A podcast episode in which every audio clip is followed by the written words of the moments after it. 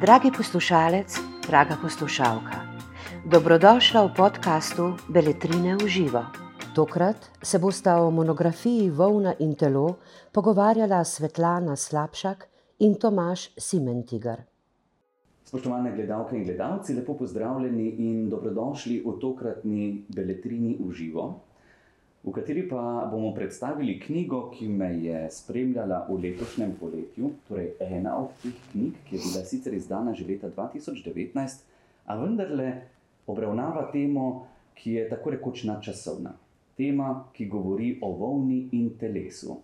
Avtorica je Svetlana Slabšak, gospa Slabšak, pozdravljeni. Hvala. E, govorimo o volni in telesu. Eh, govorimo seveda o eni zadevi, ki ima precej pomembno to historično mhm. komponento. Eh, pa bi se morda na začetku ustavila pri eni izmed vaših besed, ki jih nekje uvodoma zabeležite, da se mhm. v Evropi dogaja, da pravzaprav za to historično, antropološko, zgodovinske, etnološke in podobne študije usiha podpora. Kaj se dogaja torej z Evropo, z Evropejci in z, naši, z našo družbo, da so to vrstne študije, o katerih bomo govorili, vedno manj podpir, se vedno manj podpira in um, niso več v fokusu družbe.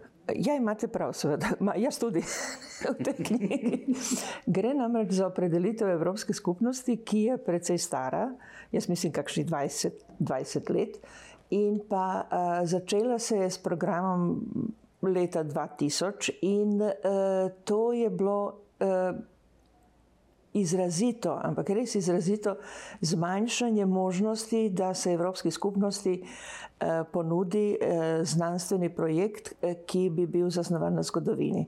Logiki ali retoriki, in nasplošno, seveda, ena od posebej pozabljenih disciplin je zgodovinska slovnica oziroma zgodovina jezikov. Eh, zakaj? Zaradi tega, ker je prednost dana eh, predvsem eh, tehnologiji, tehnološkim disciplinam in pa seveda vse, kar se tiče kompjuterjev, nove komunikacije in tako naprej. To so teme, ki gredo naprej. Pravzaprav tisto, kar je zanimivo, je, da zadnja leta v evropskih projektih imate predvsem networking. Torej, socialna aktivnost, teoretizacijo in prakso socialne aktivnosti. E, problem je v tem, da, se je, da so se tisti, ki odločajo, spomnili, da je družba zelo pomembna in ne, ne vedo, kako bi jo vključili. In to je potem praksa, ki pravzaprav zamenja znanje. Ja, eh, torej, zgodilo se je nekaj v družbi, neke mhm. spremembe so prišle v mhm. družbo. O tem bi lahko rekli marsikakšno. Ampak mhm. ne glede na to, da se neke paradigmatske spremembe tukaj vendarle dogajajo, je ta knjiga Vovna in telo nastala. Nastala je že pred nekaj leti, gre za večplastno delo, ki se ukvarja na eni strani, seveda, z ovco, z vlaknom, ne, ja. z volno, na drugi strani pa s telesom. Pa če se osredinjava malce na te stične točke, živo, neživo, uh eh, -huh, živalsko, uh -huh. v človeškem in tako naprej, um, kaj je pravzaprav ta volna? Okrog, okrog nje se v zgodovini tvorijo najrazličnejši od ritualov, tabujev in tako naprej. Zakaj je volna tako pomembna, zgodovinsko gledano? Ja, zaradi tega, ker je v osnovi uh, občutek krivde. In o tem so zgodovinski antropologi veliko pisali. Namreč gre za osnovno psihično spremembo um, prazgodovinskega človeka, zelo starega človeka, pravzaprav. In to je krivda, da je uh, nekaj ubil, ubil je žival. In potem uh, s to krivdo se pač razvijajo popolnoma popolni antipodi, kar se ritualov tiče. Eno je intimizacija, eh, drugo je pa strah. In pa eh, med temi, eh, med temi poli, med tem se dogaja marsikaj, da nimo, da, člo, da človek postane žival. Druga varijanta je, da ima kontakt, ki bi nekako opravičil njegovo dejanje. In tretje, seveda, da uh, doživi nekaj, kar žival doživlja sama. Ne? In vse te različne možnosti ritualov in obnašanja izjemno bogatijo uh, človeško psiho. Tako da je, uh, bi morali biti pravzaprav hvaležni, da je da je človek občutil krivdo in da potem na osnovi krivde razvil izjemne, izjemna polja, široka polja uh, emotivnosti. In s tem se pa ukvarja ena disciplina, ki je še bolj uh, zapostavljena in to je zgodovina emocij, o kateri. V kateri je v zadnje čase nekaj več mlad, mlajših znanstvenikov, ampak dolga leta je bila popolna puščava. No, kar nekaj takšnih puščav v znanosti še poznamo. Eh, pa vendarle bi se rad zdaj eh, dotaknil ene usporednice, ki jo kažete v knjigi. To je usporednica med dlako, torej to živalsko dlako oziroma volno ne, in pa lasmi. Kako se to kaže, ta usporednica? Eh, zanimivo je, prej ste omenili, na eni strani gre za žrtvovanje, a ne recimo živali. Pa vendarle, ko govorimo pa o pridelavi in predelavi volne, uh -huh. gre pa za negovanje živali. Ne, uh -huh. ne, se pravi, tam ovce ne bomo zaklali za to, da bomo dobili volno. Ne. In to se zelo jasno kaže tudi v laseh. Uh -huh. Jasno, seveda, uh, lasje so pač dokaz, da je človek žival. Njemu samemu je jasno, da je, žival. Uh, seveda, uh, kosmatinci in ljudje se niso uh, preveč, nis, ni bilo preveč razlike. Tako da, kar se kosmatosti tiče, in pa so ljudje lasje imeli za tisti živi del telesa, ki ima svoje življenje, ki ni popolnoma povezan s telesom, zaradi tega, kar se lahko odseka in potem narašča na novo, ker drugi deli telesa pač niso, niso tega zmožni. Ne? Tako da je eh, lasje nek znak nesmrtnosti telesa v nekem smislu in zaradi tega so podložni vs, vsem sortam magije. Eh, eh, lasje se, recimo ženski lasje, eh, se pletejo. In to je simbolna akcija, ki je zelo pomembna. Še, že v oziroma še v drugi svetovni vojni, so recimo v Bosni ženske razpletale lase, ko so, ko so recimo partizani šli v kakšen, kakšno bitko, da jim omogočijo, odprejo vse poti. In ta se v zavozlanih stvareh. Tako, zavozlanih. Precej. Ogromno. Eh, Mimo grede, zelo zanimivo mi je bilo, ko sem bral. Uh, imamo tudi uh, v krščanstvu, je ta tradicija se mhm. prenesla, pa čeprav gre za bistveno starejšo stvar, uh -huh. mhm. krščanstvo. Ne? Marija, uh, ki drži v mhm. rokah te zavozlane vrvi, vrvi ne, in ja. kaže, uh -huh. uh, če imaš težavo, pedi k tistemu kipu, ki ima to zavozlano vrv, ker bo ona razvozlala vse, uh, vse vozle in na tak način simbolno odprla določene poti. Ja. Pa tudi Marija, ki plete. Tako. ki plete za, mladega, za malega Jezusa in to plete v enem kosu s štirimi iglami. Ker je tehnika, ki jo danes še uporabljamo za nogavice, da nima. Tako da, kar se tega tiče, je pletenje tkanine, tkanje in seveda Marija, ki počaka Angela, ki bo najavil ključno novico, pač je zmeraj. Uh, satvah ona, ona plete, ona tka, ona, se, ona iz, iz, izdeluje obleke za, svojega, za svojo družino in za svojega sina.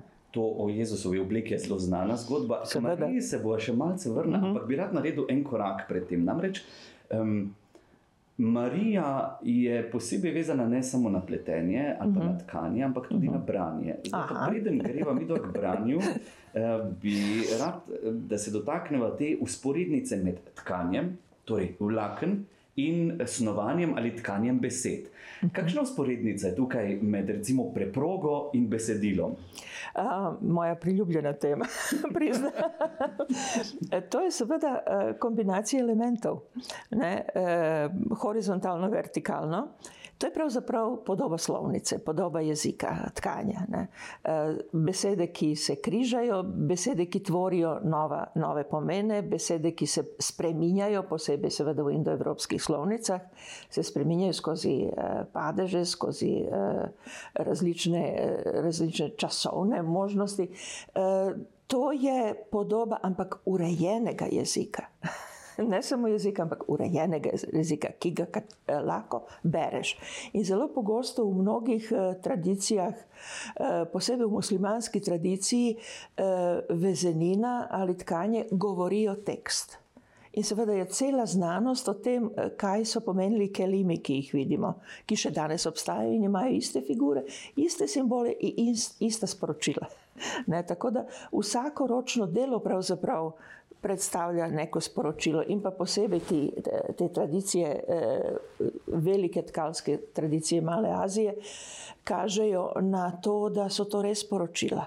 Eh, na drugi strani pa imate eh, to povezavo med ženskami, pisavo in tkanjem, ker ženske pač so te, ki pripravljajo obleke za celo družino, ne? ženske pa tudi pošiljajo večino sporočil in recimo v bosanskih um, bosanskem usnem, um, usnih, um, usni liriki imate to idejo, kako uh, ženska uh, veze svojo zgodbo, tako kot prokna v antični mitologiji, zveze svojo zgodbo in potem je seveda kaznovana. Um, ko govorimo o tkanju besed in tkanju, recimo preproge oziroma samega blaga, uh, Uh, govorimo pravzaprav iz tistega neurejenega sveta vlaken, iz neke uh mhm. -huh. ovce, recimo, ne, uh -huh. ki je treba uh mhm. -huh. spraviti v nek red. Enako usporednico lahko vidimo iz nekih neurejenih, bomo rekli, besed, ne v neko uh mhm. -huh. urejeno obliko. Uh -huh. uh, A gre vendarle tukaj tudi za neke vrste vizualni učinek, ne? uh -huh, tih uh -huh. vertikalno, horizontalnih niti in hkrati nekih potez, ki jih neko besedilo, ko ga beremo, nudi, ko ravno tako imamo vrstice, črke uh -huh, in skratka uh -huh. se zelo jasno vidijo to, bomo rekli, struktura tkanine tudi v besedilu. Uh -huh. Ja, seveda na škotskih tkaninah, eh, na teh karojih, eh, takoj prepoznate pleme. Uh Tako da to je neka osebna izkaznica kolektiva. Ne. Na drugi strani pa uh, jezik nikoli ni neurejen, vsaka beseda je pravzaprav stavek. Vsaka črka je stavek. Tako da, kar se tega tiče, jezik, pa seveda, ki ne sledi človeški zgodovini, na srečo. In uh, seveda lahko vpliva, ampak ni, ni uh, te direktne povezave, ki jo z, večina ljudi ima v glavah, ne, da se jezik razvija tako kot človeštvo. Ne, jezik ima svoj ritem, ki je popolnoma drugačen. Uh, torej, v tej situaciji, seveda, vsako sporočilo je v določenem kontekstu. In nekatera sporočila pride v slabem času, in potem je kaznovan avtor oziroma avtorica tega sporočila. Ne? In tudi, če eh, pogledate eh, zgodbo o Penelopi, ki je verjetno najbolj znana um, zgodba o tkanju, razen Arahne, ne, ki je tako zelo grdo kaznovana.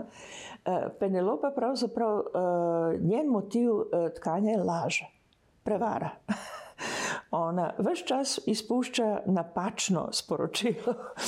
In to napačno sporočilo eh, je del njene, njene strategije, ki je zelo zapletena. Ne? In če na eni strani ona igra pokorno žensko, ki pač se ukvarja s svojim osnovnim delom. In je pokorna tudi eh, s, s, s eh, sinom Telemahom, ki je izrazito agresiven in avtoritaren.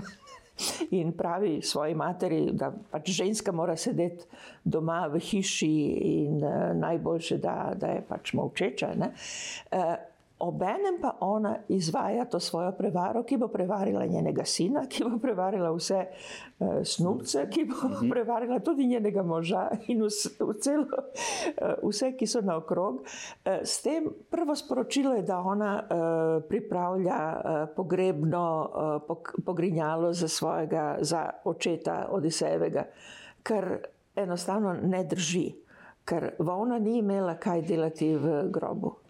V, kar je na pol živa, oziroma bolj živa kot mrtva, ona se ne sme uporabljati. In to je recimo v judovski, judovskih običajih zelo jasno. Samo lan sme, ki je mrtev, ki je rastlina.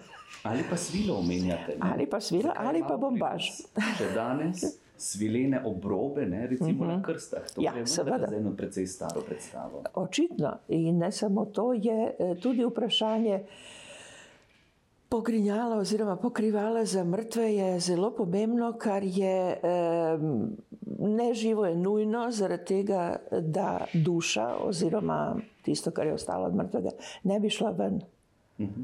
In se ne bi maščevala. Kozmični red, tako, Tako, rekoč, seveda. morajo ostati v svojem svetu. Ja. Um, iz kozmičnega reda bi zdaj na- navezal to na neke vrste socialni red preteklosti. Uh -huh. Ženska ima svojo vlogo. Omenili ste Penelopo. Uh, gre pa seveda za to, kako je, zakaj pride ravno do tega, da je ženski tako rekoč upisana na njeno telo uh -huh. vloga. eh, Pridelave in predelave volne. Eh, To se nekako vleče skozi vso zgodovino. In um, zakaj je volna tako pomembna za žensko, in obratno, zakaj je ženska pomembna za volno? Ja, govorimo o fenomenu, oziroma o uh, eni od glavnih. Um, Stabilnih, enem od glavnih stabilnih elementov opisa ženske, ki je pravzaprav uh, bila odgovorna za obleke vse do 19. stoletja. To je neverjetno dolg razpon. Um, ženska je proizvajala obleke.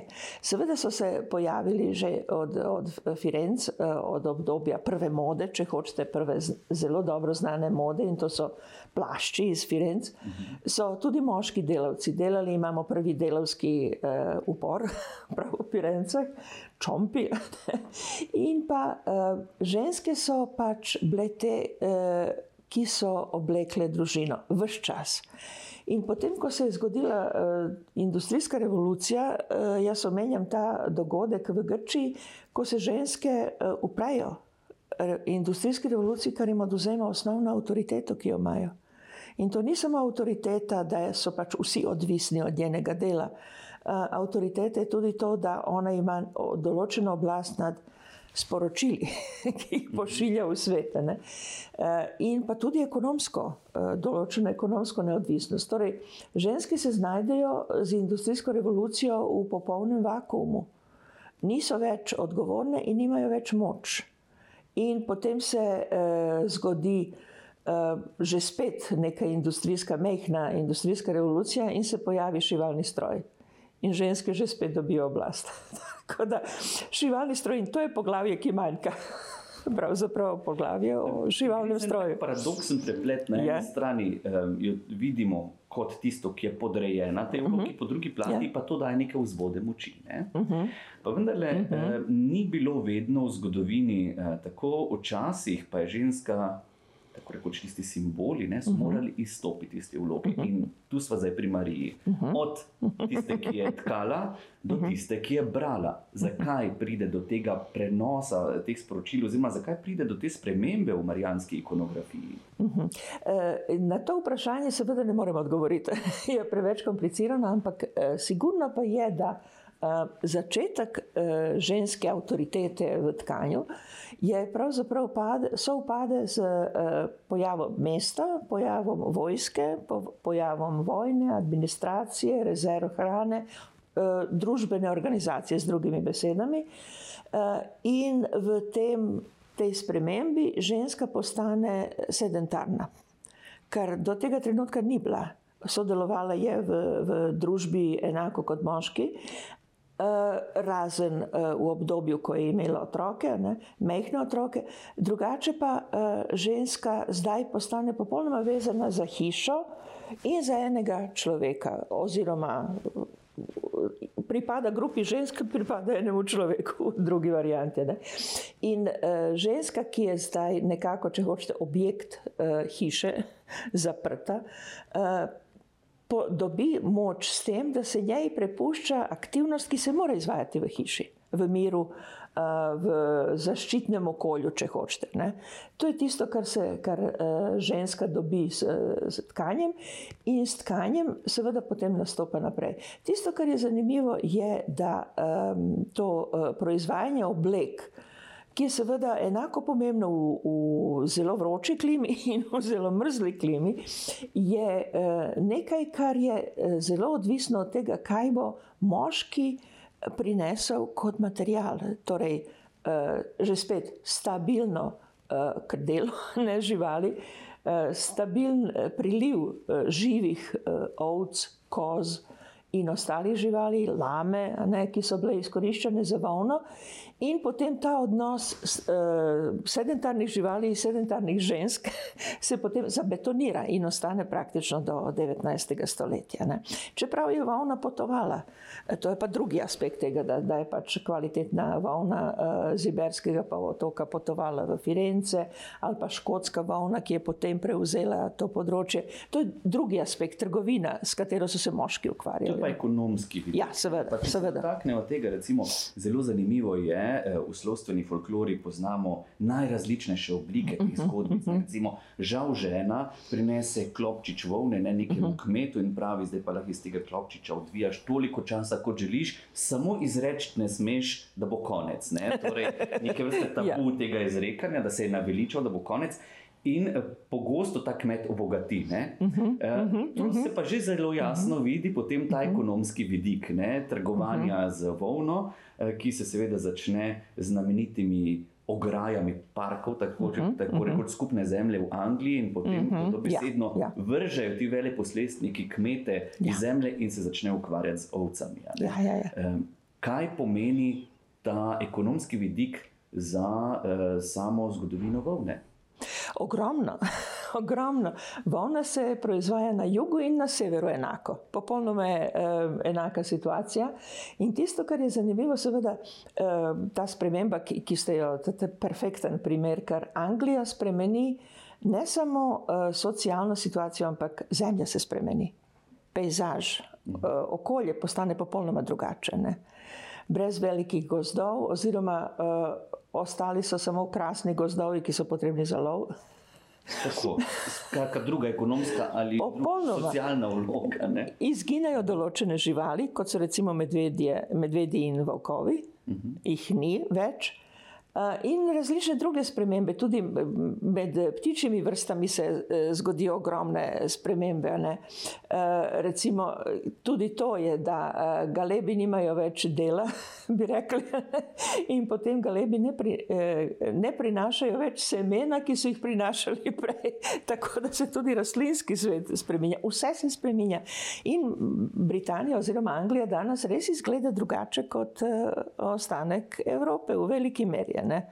Eh, brez teh, če hočete, divjih delov, ki jih Evropa še zmeraj ima, in zaradi tega je v Sloveniji zelo pomembno, da se to ohrani, ne? da se pobijajo medvedi. To je na eni strani ovca kot nek nov pomemben. Element ekosistema, po drugi strani pa industrijska ja. revolucija, ki ja, sočasno s predelavo volne rabi ja, ogromno ja, goriva. Ja. In takrat se popolnoma spremeni ta podoba. Britanije. Ja ne pozabite, da recimo ta angliška garda, slavna, uh, ki, ki ščiti kraljico, mora imeti uh, tiste kučne.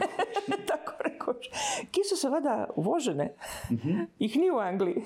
torej, če, če recimo uh, Evropska skupnost da prepoved na, na izvoz medvedov, konec z kraljičino gardo. Ja bojo našli neko drugo rešitev. Vendarle, mi pa smo pred eno drugo dilemo, kaj narediti. Eh, če pogledamo zopet nazaj, mhm. primer uh, Vovna prinese pomembno ekonomsko stratifikacijo uh mhm. -huh. družbe. Ne, ja. Takrat se uh mhm. -huh. Eh, veliko ljudi, oziroma en dobršen del teh posestnikov, izjemno obogati. Ja. In s to težavo se tako rekoč soočamo še danes. Uh -huh, še danes uh -huh. imamo problem, kaj narediti z vedno večjimi družbenimi tenzijami uh -huh. in razlikami. Uh -huh. Ja, eh, s tem, da je seveda volna v tem smislu izjemno pomembna za.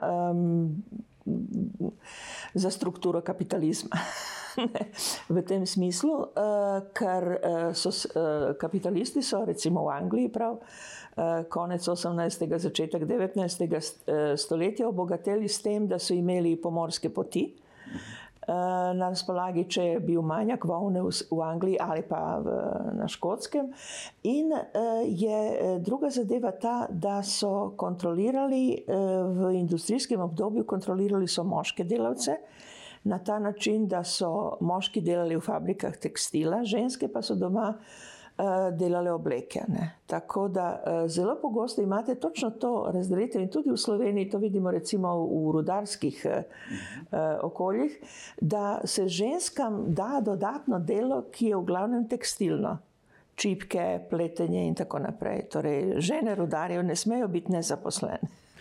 Kaj je ta zanimiv primer, ja. moram, moram pokomentirati, je, uh -huh. da ponekod imamo v določenih obdobjih, eh, ravno pri čipki, ne, ko čipka uh -huh. bila zelo dragoceno blago, so ženske ponekod celo zaslužile več od moških. Uh -huh. ja. Dobimo en prav poseben primer, Eh, kjer se začne to dedovanje ne po patrilinearni liniji, ampak po matrilinearni uh mhm. -huh. liniji, ker so ženske postale ekonomsko močnejše.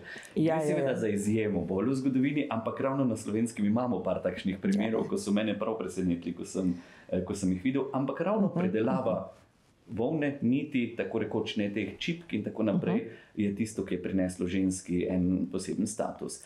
Um, Pa vendarle, če so že pri kapitalizmu, govorimo pa o tem, da kapitalizem pa prinese še eno pomembno zadevo, namreč dovolj denarja za najrazličnejše invencije, ki začnejo uh mhm. -huh. nadomeščati ta mhm. naravna vlakna, uh mhm. -huh. seveda, najlon, lajk. Seveda, ja, ja.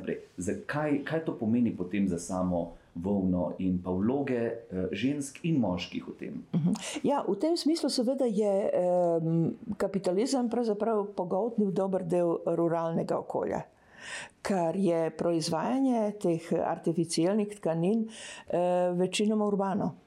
V fabrikah. Tako da, eh, kar naenkrat eh, tisto, kar je čisto, naravno, se zgubi, izgublja vrednoto. To je recimo primer najlona po drugi svetovni vojni.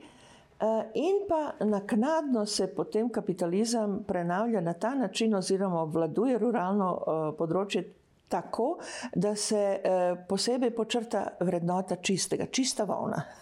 Čist bombaž, čista svila. Danes smo rekli, rekli tudi ekološko. Ekolo, oh, seveda, eko, bio in vse ostalo.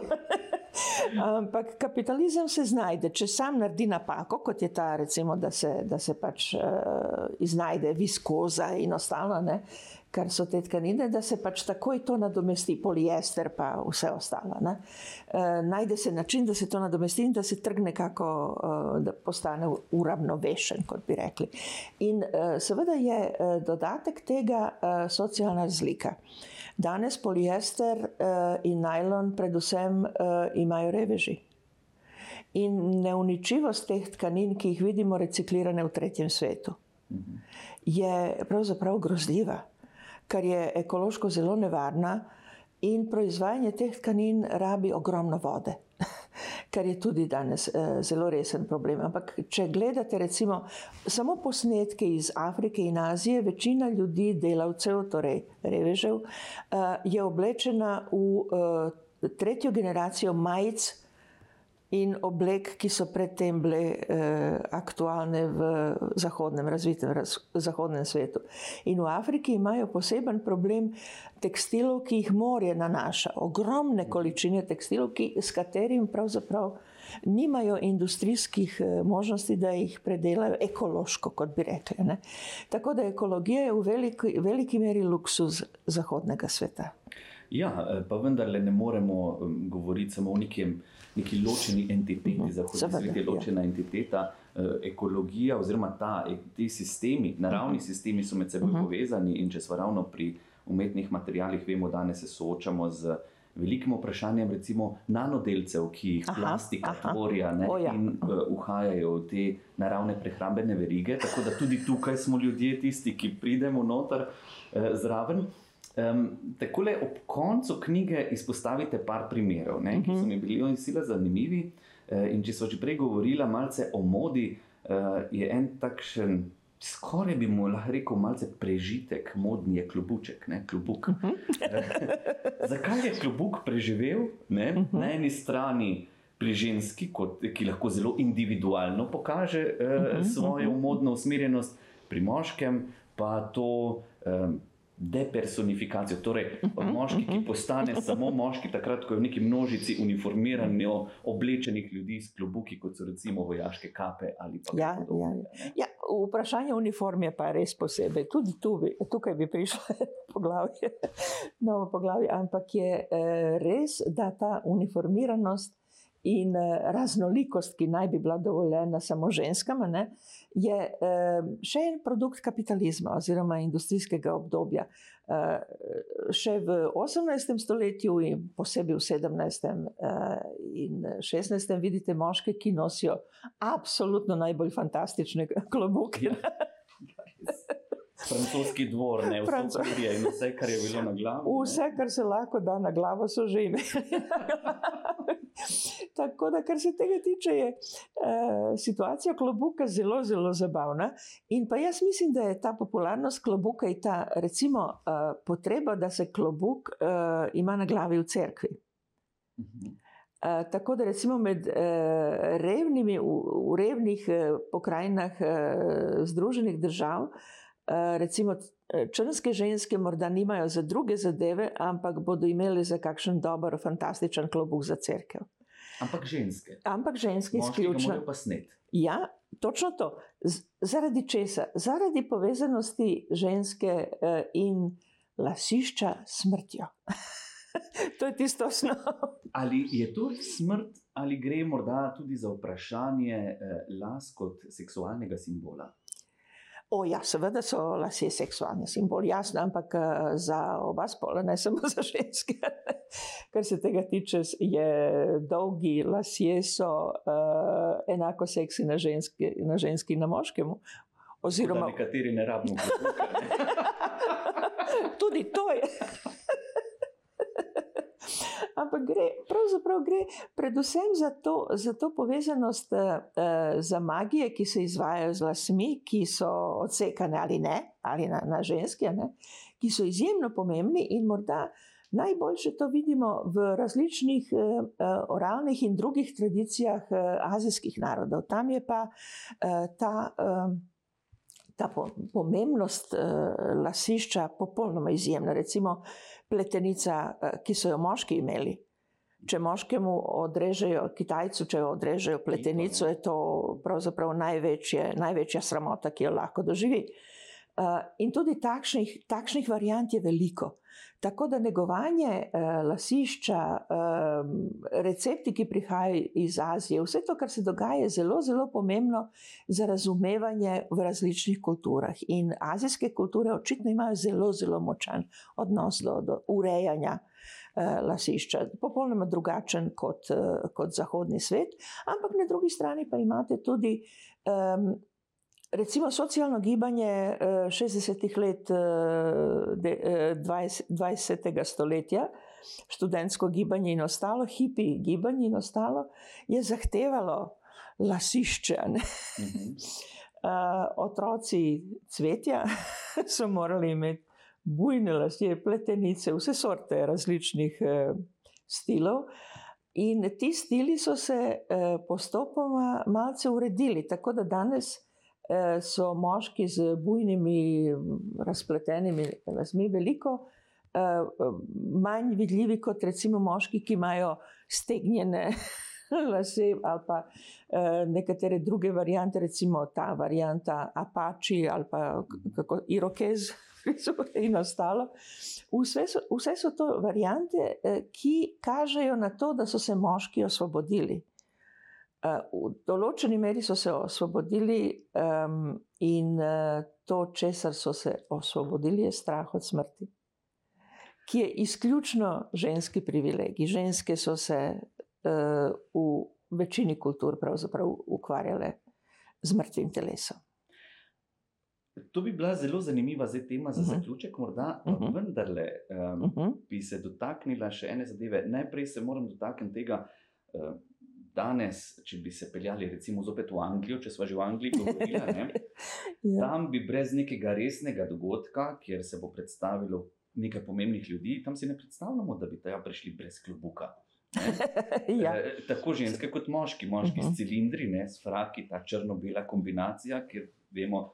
Moška moda je nekje obstala 150 let nazaj, se mi zdi, tam, ko se mhm, začne ta mhm. industrijska pridelava uh -huh. eh, oblek ženske se pa tam pokažejo. Ja, ja, ja, ja. Recimo, prva dama eh, angliškega sveta, angliška kraljica, brez klobuka, tako rekoč, skoraj ne vidimo. Absolutno ne obstaja tako rekoč. A je to razen doma? Simbol?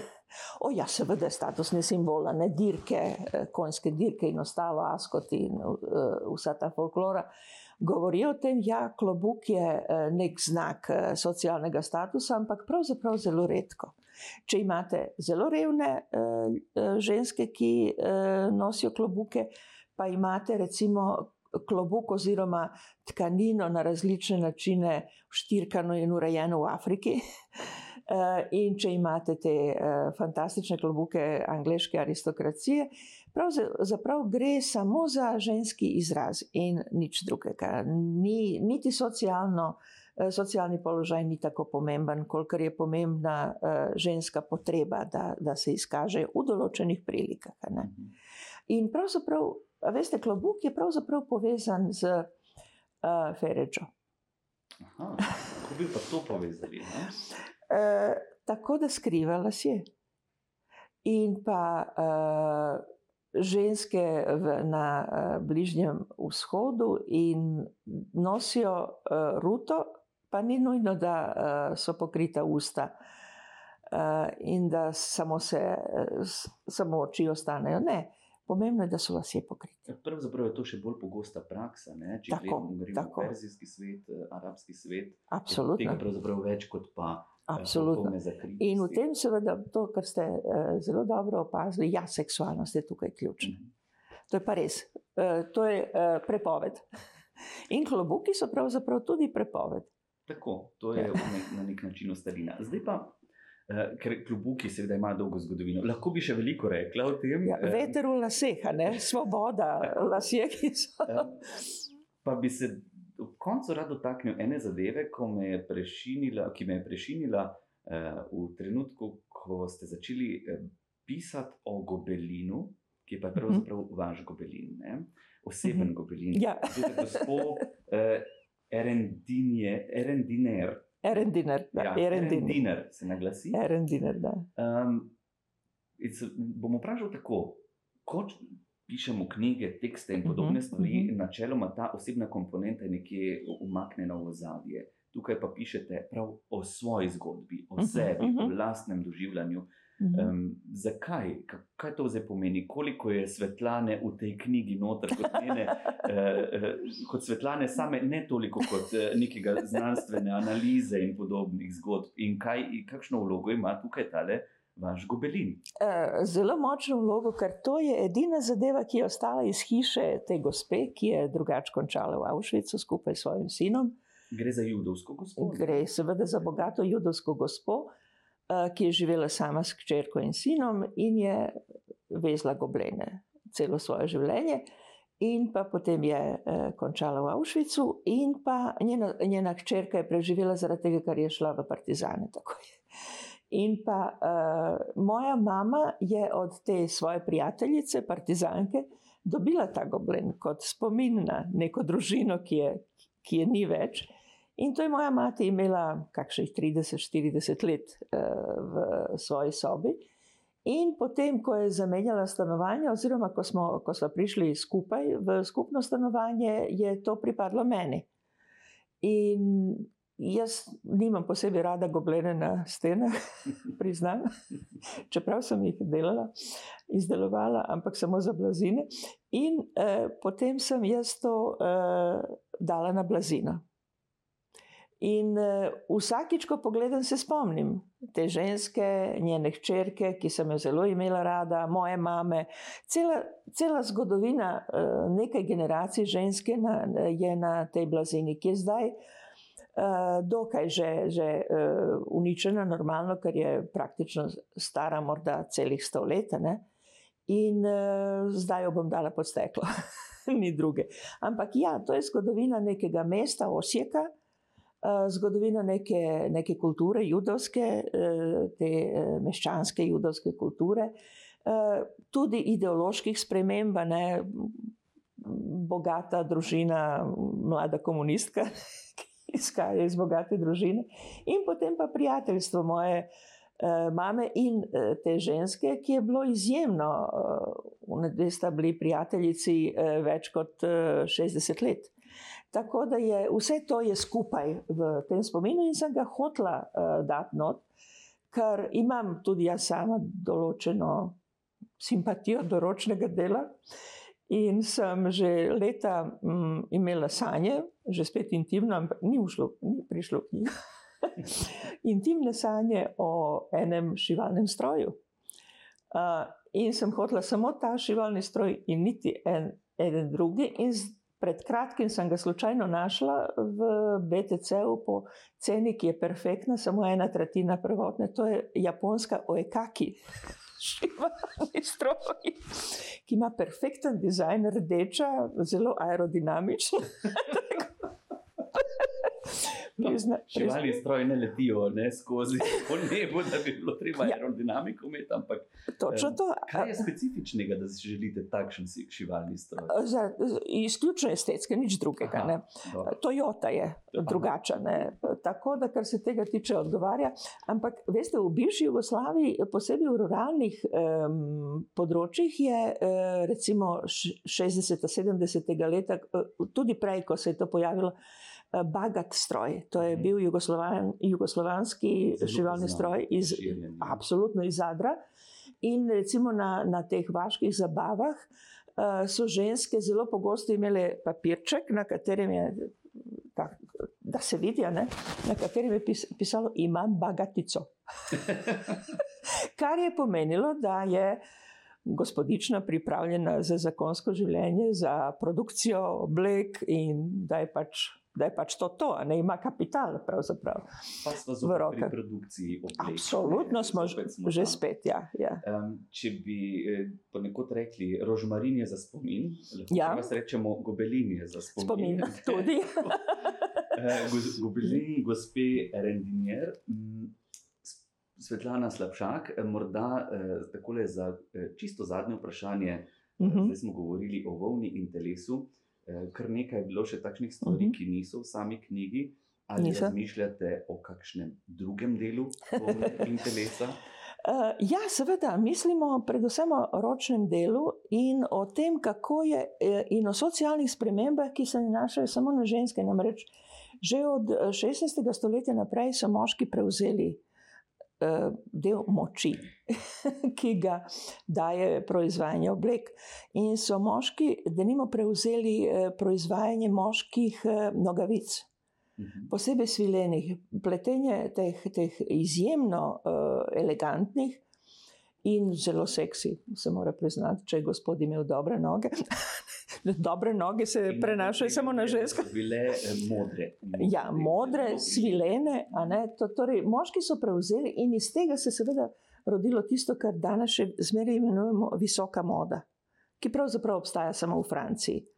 In kjer pravzaprav država pomaga visoko modo kot, kot eno artiklov, ki pač pomenijo nacionalni uspeh, in tako naprej.